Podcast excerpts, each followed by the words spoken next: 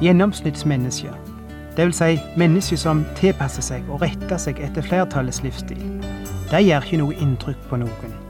Og de har ingen innflytelse på omgivelsene. I alle fall ingen positiv innflytelse.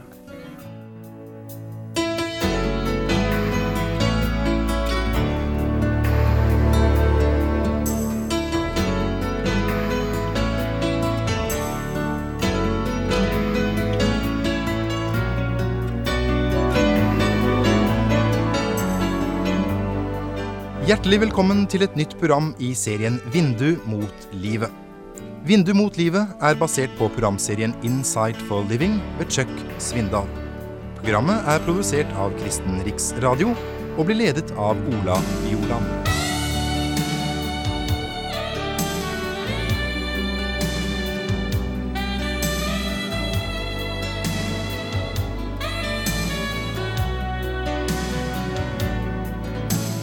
Vår tid trenger helter.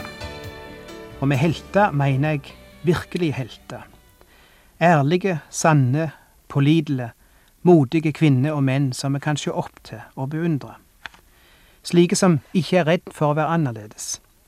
Slike som våger noe. Som står for noe. De er vanlige mennesker, altså, med svakheter og feil som alle andre. Men de rager liksom over gjennomsnittet fordi de er annerledes. Fordi de stiller så store etiske krav til seg sjøl at de skiller seg ut ifra gjennomsnittet.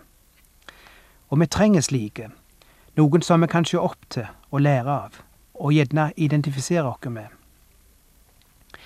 Jeg har nok en følelse av at vi ikke har så mange slike iblant dere i dag som det var før. Visst er det noen, men ikke på langt nær så mange som før, tror jeg. Som da jeg var barn, for eksempel. Jeg husker godt de menneskene som jeg virkelig så opp til. Sånn helter, hverdagshelter. Enten de var rikskjendiser eller de var mer ukjente bygdehelter. Ikke alltid var de like populære i sine velmaktsdager, for de kunne stå for verdier som ikke alltid var inn i tida. Men på tross av alt, folk beundra de, og ei heil bygd sørga når de gikk bort. Jeg tror ikke dette bare er barndomsfantasier hos en liten pjokk som hadde behov for idolet. Jeg husker far kunne være like imponert som meg over disse heltene, og han var 50 år eldre enn meg. Jo, jeg tror det var flere helter før i tida. Kanskje det er derfor den svensk-amerikanske dikteren Bruce Larsen sin vesle hverdagsskildring griper meg litt. Jeg kan så godt identifisere meg med hans opplevelse som liten gutt når han skriver. Da jeg var liten gutt, gikk jeg til kirke hver søndag. En stor, gotisk, presbyteriansk kirke i Chicago. Forkynnelsen var sterk og musikken var mektig. Men for meg var det mest imponerende øyeblikk når offeret skulle tas opp.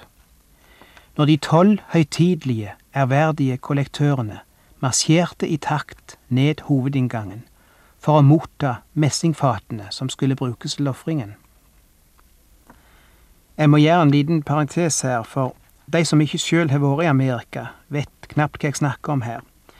Du ser, i kirkene i Amerika er sjølve ofringen et høydepunkt i gudstjenesten, og veldig høytidelig. Og hver kirke har såkalte ushers, det vil si mennesker som er valgt av menigheten til å være slike som samler inn ofringene, pluss at de har ansvar for å hjelpe folk på plass, dele ut salmebøker ved inngangen osv. Ei praktisk tjeneste, men disse folka ble gjerne valgt til dette på menighetens årsmøte, for ett eller to år om gangen. Det var en viktig tjeneste. Og jeg kan så godt identifisere meg med denne fortellingen som jeg snart skal lese videre ifra. For jeg ser for meg noen staute menn ifra mi egen menighet, som jeg var prest for i Chicago, som hver søndag steig fram med kollektkorgene. Jeg tenker spesielt på et par av de. Den ene var over 80 år gammel. Et nydelig menneske.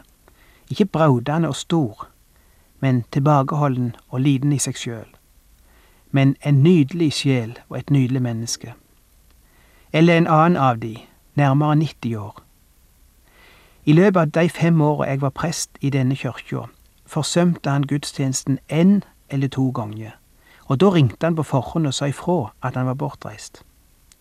Hver søndag, hver eneste bidige søndag, var han på plass ved døra, sjekka salmebøkene og offerkonvoluttene, sto ved inngangen med sitt trygge smil og sitt varme håndtrykk, delte ut salmebøkene, organiserte kollekten, og aldri har jeg hørt et menneske si ett vondt ord om han.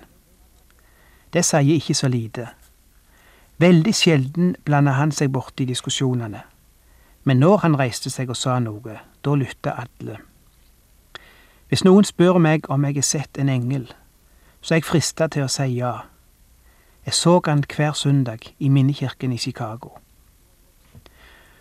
Å stå der i alterringen og se disse to gamle, staute mennene ta plass nede ved døra etter at de hadde samla inn dagens offer, og gjøre seg klar til å marsjere inn til orgelmusikken, prøvde å stokke føttene for å komme i kontakt, og med rak rygg og høytidelige blikk marsjerte like fram til alterringen, der de med nesten hellig ærbødighet ga fra seg tinnfatene med dagens kollekt.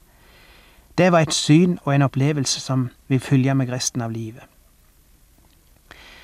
Men nå er jeg kanskje kommet litt på sidelinja, jeg vet det, men jeg forteller dette for at jeg skal kunne sette dere inn, inn i det som Bruce Larsson skriver når han fortsetter.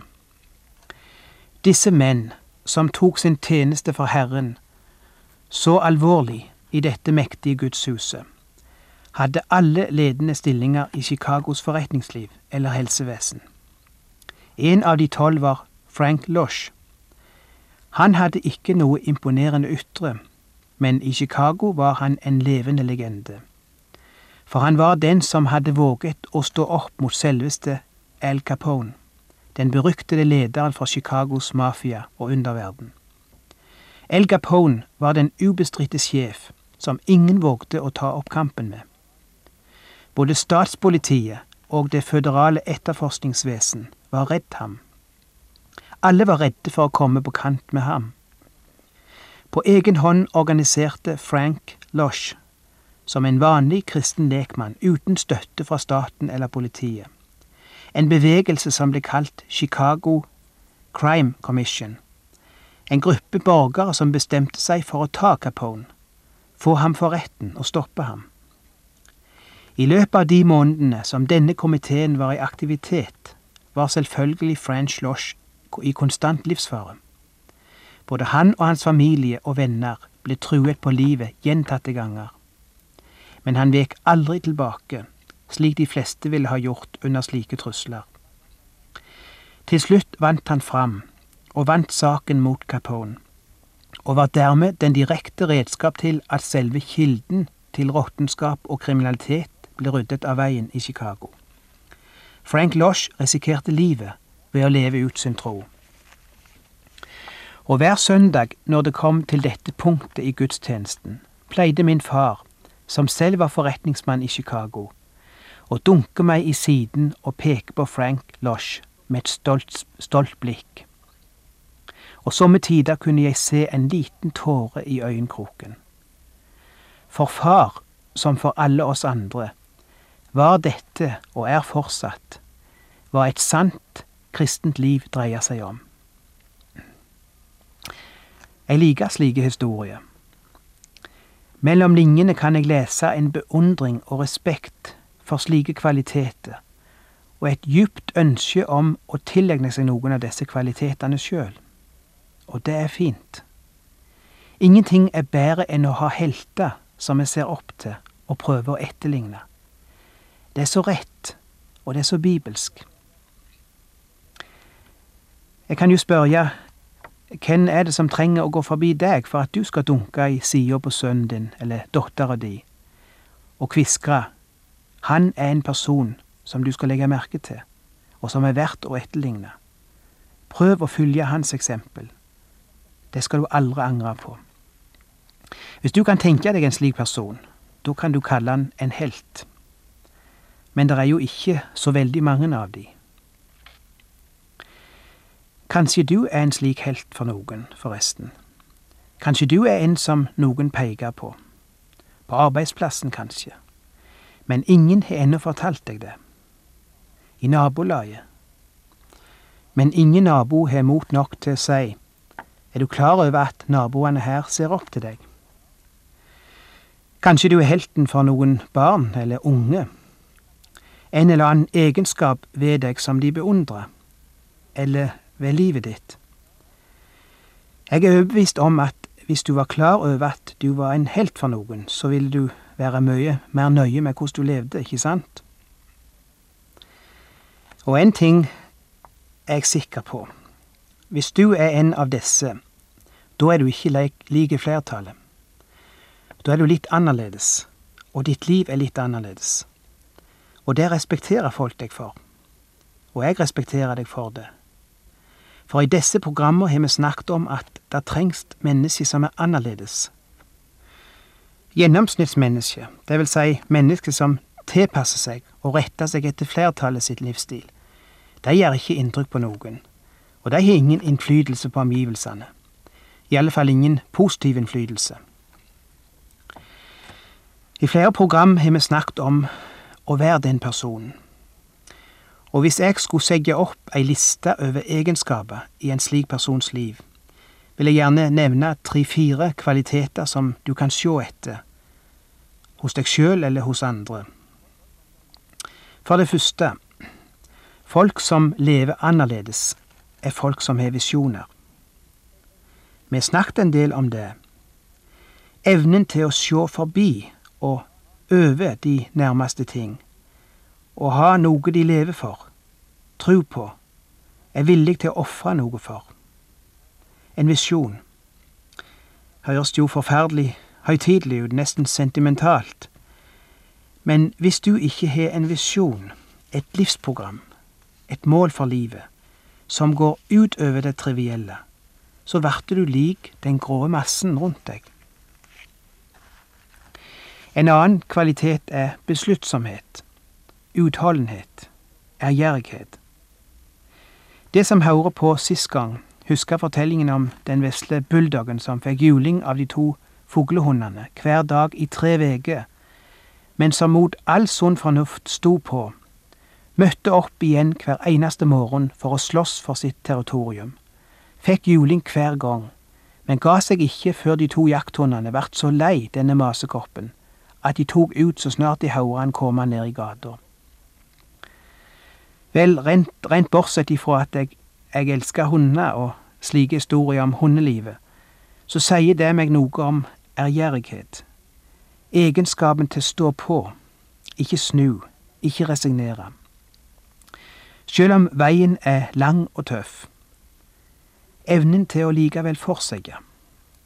Slik Josfa og Caleb gjorde da israelsfolket sto ved grensen til løftes land, og folket ville resignere og snu. Men det var to som skilte seg ut, to hverdagshelter med visjoner og stå-på-holdning. Det er ikke så mange av de, men de få som finnes, til en kolossal innflytelse på verden. Og jeg kan ikke tenke på en helt uten at han nettopp har den egenskapen. Han snur ikke. Han har en visjon, og den føler han heilt til endes, uansett hva folk sier, eller hva han møter av vanskeligheter. Så har vi en tredje karakteristikk når det gjelder dette, og nå vil jeg advare deg, for nå kommer vi til det punktet av de tre som er minst populært å snakke om. Og likevel skal vi snakke om dette punktet, i resten av dette programmet og i hele neste program. Og hva er det? Jo, det er å være ærlig, å ha personlig integritet, som det heter så fint, å kunne stå til regnskap for det en gjør. Det er å kunne svare for sitt liv, gjøre opp regnskap. Og nå er vi inne på et stort område, for dette kan gå både på den mer offentlige delen av livet mitt, på arbeid, business osv. Men det kan òg gå på den mer private delen av livet. Vi skal komme inn på begge disse sidene. For du må ikke tro at dette er sider ved livet som du kan holde liksom utenfor kristenlivet. At det ikke skulle ha noe med det å gjøre. Er det noe som har med din kristendom å gjøre, så er det dette området. Å kunne svare for det en gjør, å kunne stå til regnskap for sitt liv.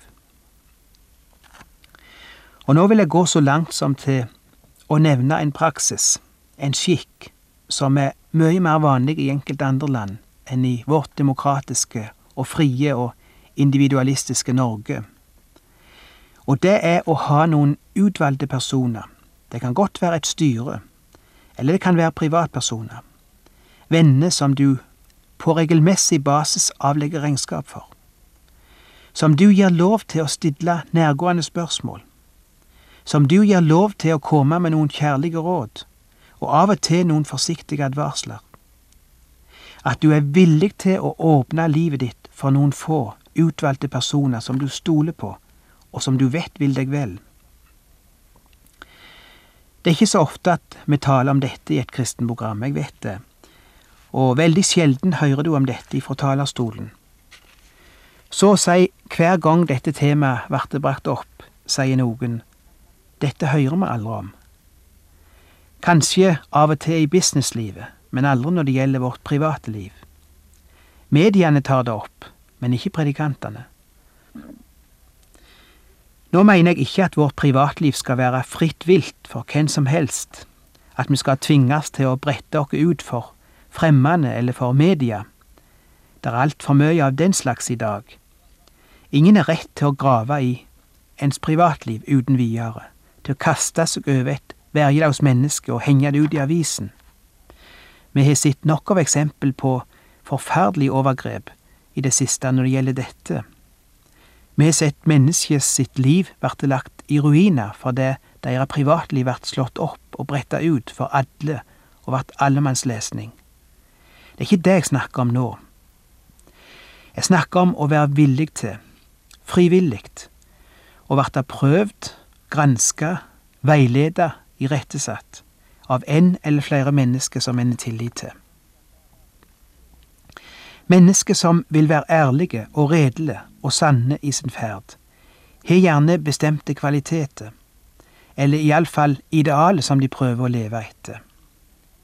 Og en slik kvalitet er altså villigheten til å verte stansa og irettesatt, villigheten til å verte avslørt, villigheten til å verte fortalt hva en bør forandre på eller bearbeide, villigheten til å lære og lytte og ta imot råd og veiledning.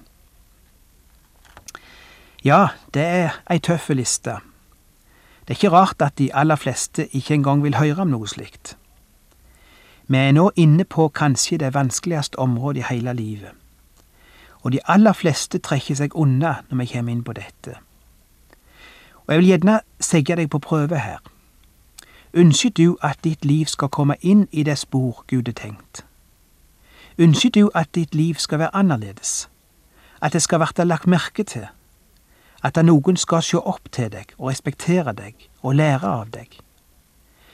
Da skal du bare prøve deg på dette vanskelige punktet. Er jeg villig til å stå til regnskap? Er jeg villig til å bli irettesatt, avbrutt, korrigert, veileda? I et samfunn der privatlivets fred og individualismen og personlig frihet er så høye idealer, er det ikke alltid marked for slike tanker. Og jeg vet at det er ikke noe særlig rom for det i kristne rekke heller. I teorien, ja, men når det kommer til praksis, så kjenner jeg få, svært få, som er så trygge på seg sjøl at de er villige til å la seg prøve og korrigere og veilede. Ennå dette er et helt sentralt punkt i Bibelens undervisning, så er det nokså trange kår i vårt liv og i våre menigheter.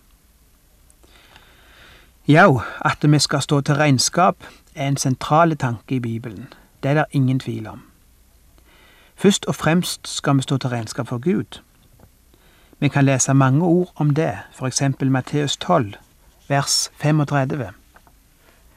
Hvert unyttig ord menneskene sier, skal de svare for på dommens dag. Vi vet ikke riktig hvordan denne dommen skal foregå. Mange har prøvd å gisse, men vi vet ikke i detaljer hvordan dette skal gå for seg.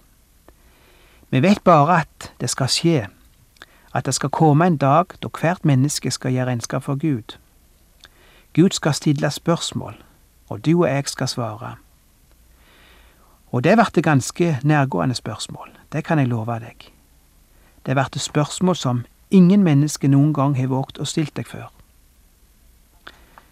Der står videre, vi skal alle fram for Guds domstol.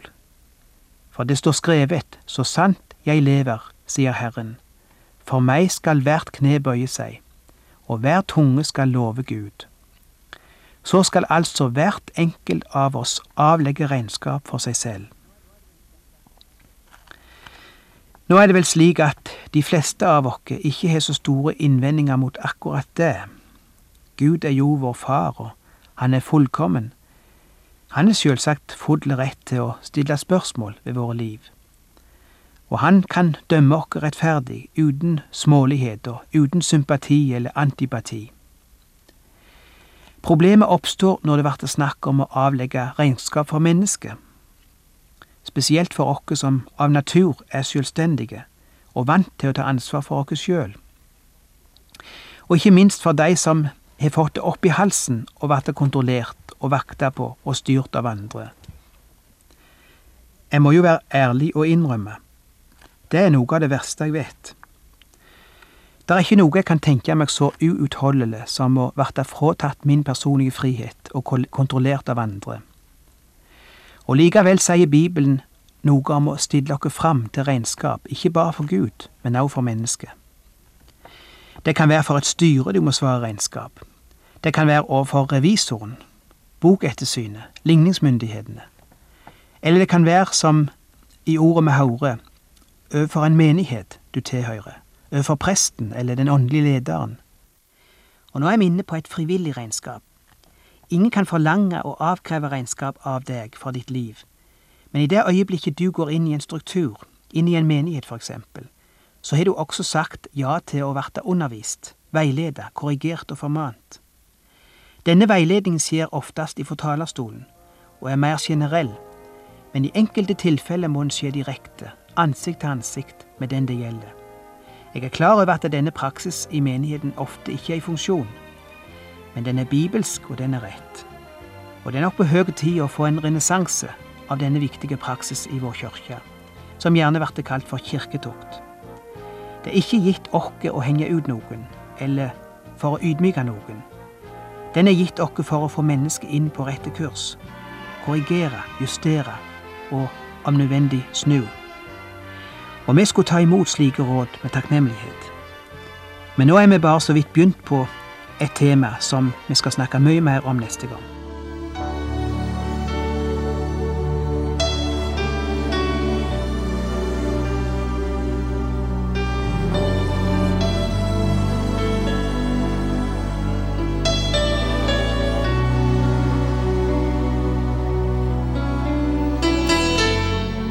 Du har hørt på et program fra serien Vindu mot livet med Ola Bjoland.